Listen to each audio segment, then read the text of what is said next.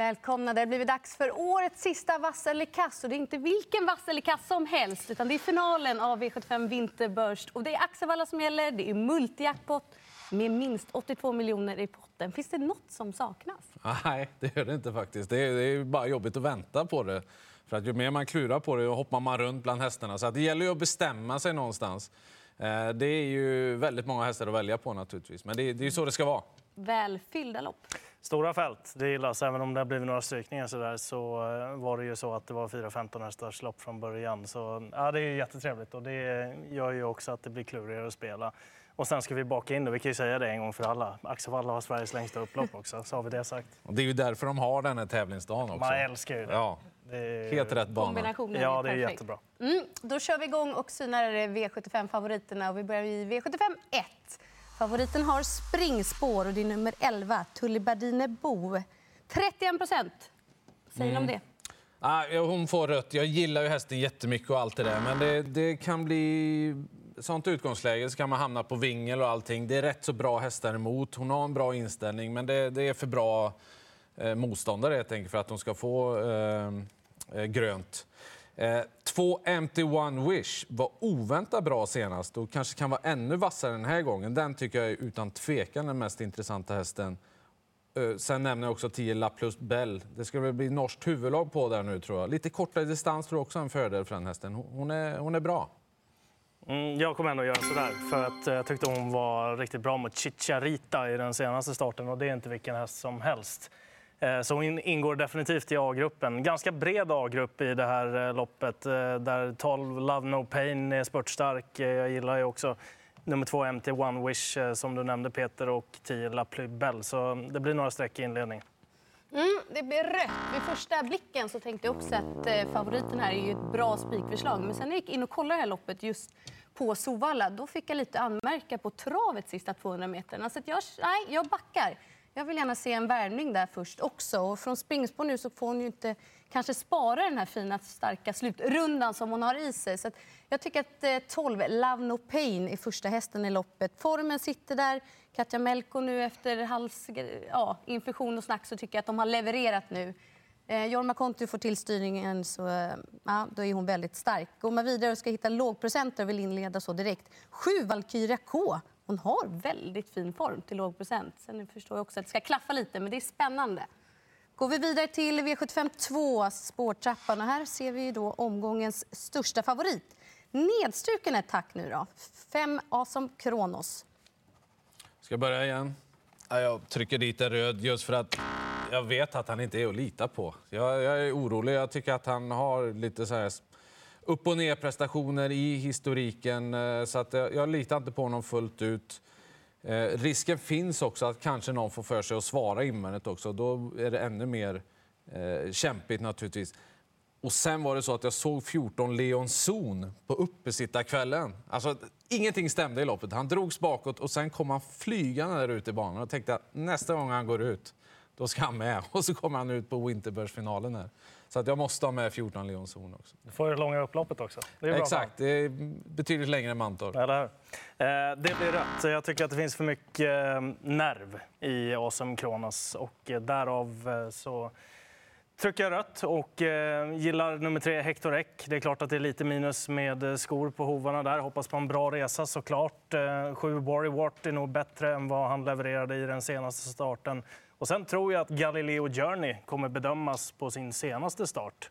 Och den är rätt bra i grunden också. Så ja, det blir några streck även i V75 2. Mm. Jag går och gör tvärt emot då. Jag spikar omgångens största favorit. Jag tror att eh, så många som ni gör som garderar och att procenten sjunker på honom. Han var fin i debuten och framförallt så gillade jag att han verkligen försökte där när det var nära galopp bakom bilen. Det känns som att han ändå har lugnat ner sig i huvudet nu från ledningen. Vem ska göra jobbet utvändigt och plocka ner honom? Nej, jag tror att han löser den uppgiften. Han är ju en av dem som är härdad på V75 också. Han har inte räckt hela vägen, men jag tycker inte motståndet är värre nu än vad det har varit i tidigare V75-starter. Så att det får bli spik i V75 2. Du har starkare nerver än oss. Ja, vi får se om det blir rätt eller fel imorgon. Vidare till V75 3, långlopp. Och här har vi nummer ett, Global Beware, som favorit. Peter Untersteiner kör åt Johan Untersteiner. Jag tycker han har en väldigt eh, fin uppgift här eh, ihop med Global Beware. Vann lätt från ledningen senast. Det är lite längre distans nu, men jag tror inte det ska vara några problem. Jag tycker inte motståndet ser för tufft ut heller. De måste göra utvändigt om honom, så att, eh, jag tycker det är en spik, Global Beware.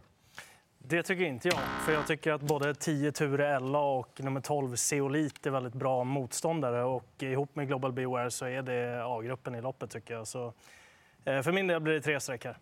Mm, för mig blir det också rätt. Jag tycker procenten börjar gå iväg lite väl högt nu. Det är ju spår ett, men skulle han bli av med ledningen eller att det kostar lite för mycket inledningsvis, då känns han ändå sårbar. 12 Zeolit har ju inte eh, läget till fördel, men han har ju visat att han tål ju att göra en hel del själv och gå bakifrån.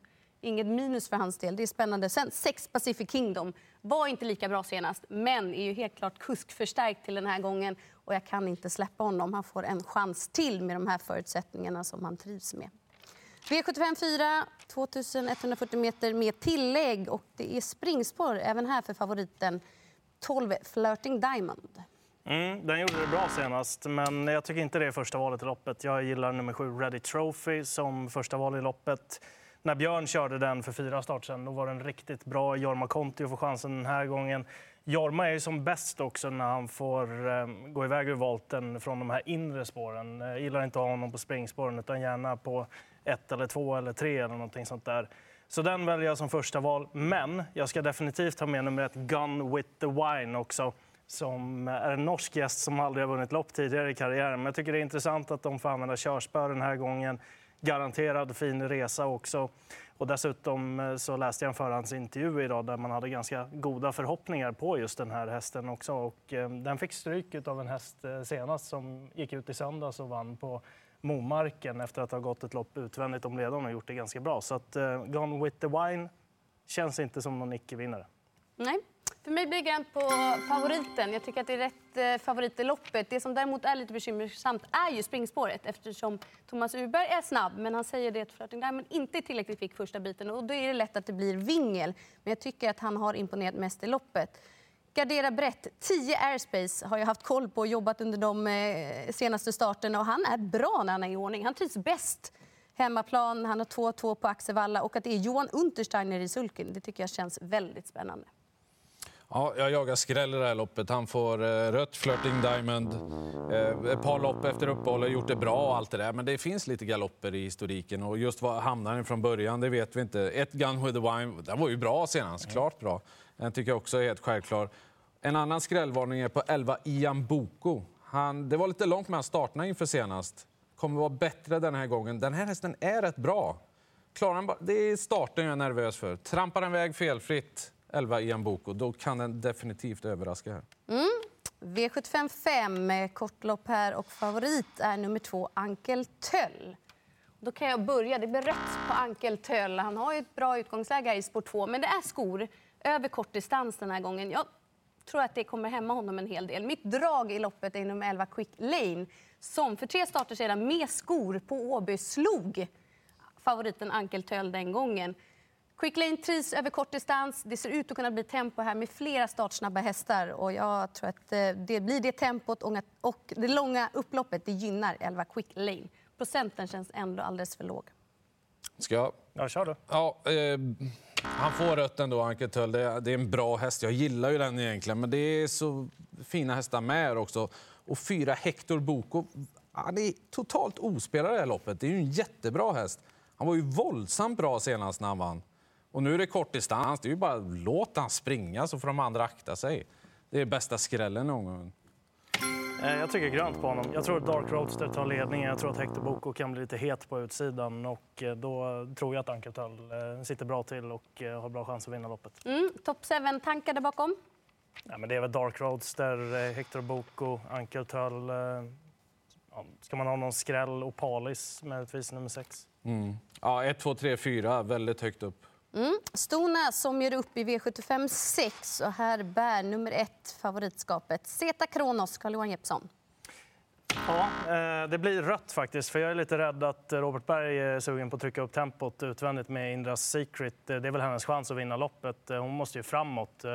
Och då kan det bädda för någon annan. Så att, två Gina Mera satt lite halvfast senast och så sju Vikens Fingerprint. Den slog ju Zeta Kronos i sin senaste insats. Och eh, den tycker jag definitivt man ska sträcka.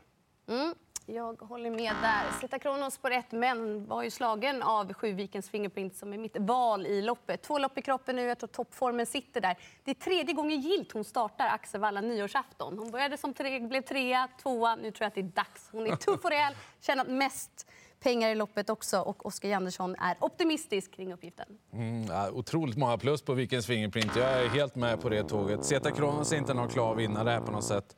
Vikens Fingerprint känns ju jätteintressant verkligen. Det är ju en riktigt bra häst. Mm, och så går vi till avslutningen, Sylvesterloppet. Och det är ett riktigt roligt lopp över lång distans med stort, stora pengar i första pris. Favorit är nummer 11, Grainfield Aiden. Han får rött där. Han har en jobbig uppgift helt enkelt med dubbla tillägg. Jag tror att någon på startvolten vinner och jag är rätt inne på att det blir två Timo Lane som fick sent fritt senast, sköt till jättebra, eh, siktat mot det här loppet. Robert Berg själv hoppar upp den här gången. Jag, jag tror att det blir full träff. Mm, för mig blir det rött. Jag tycker det är otroligt öppet lopp. Startvolten 6 Phoenix Photo har vi ju hört på Svante Eriksson att han har laddat och laddat i sex veckor för den här uppgiften. Det är klart att man får gissa lite ändå om formen sitter där. Men prickar Jorma Springsport så vet vi att den här kan gå en låg 14-tid och då blir det jobbigt för de övriga. Men sen 15 Pacific Face, över den här distansen med Thomas Urberg, är det ett måste. Streck för min del. Jag trycker grönt på honom av den enkla anledningen att eh, tränaren till hästen, eh, Hannu Korpi, han sa att de inte hade haft optimala träningsförhållanden inför senaste starten. Och, eh, han gillar att starta tätt. Han har startat två gånger på Axevalla, han har vunnit båda gångerna också. Så det långa upploppet är väl till hans fördel här också. Men ingen spik. Eh, jag ska definitivt ha med Timo Lane. Och sen Pacific Face vet vi ju alla. Han eh, brukar ju gå riktigt bra vintertid och är stark och rejäl. Han, eh, var fakt han galopperade faktiskt inte i den senaste starten nere i Frankrike utan han blev diskvalificerad där bara istället. Så att, eh, eh, jag ska definitivt ha med honom också. Och Thomas Urberg är det som får chansen på Pacific Face. Det känns också lite spännande. Mm, dags att summera ihop våra tryck. Och vi fick ingen vass favorit. Det sägs ju en del om omgången imorgon. Hoppas vi har varit till någon hjälp i alla fall. Stort lycka till i jakten på miljonerna.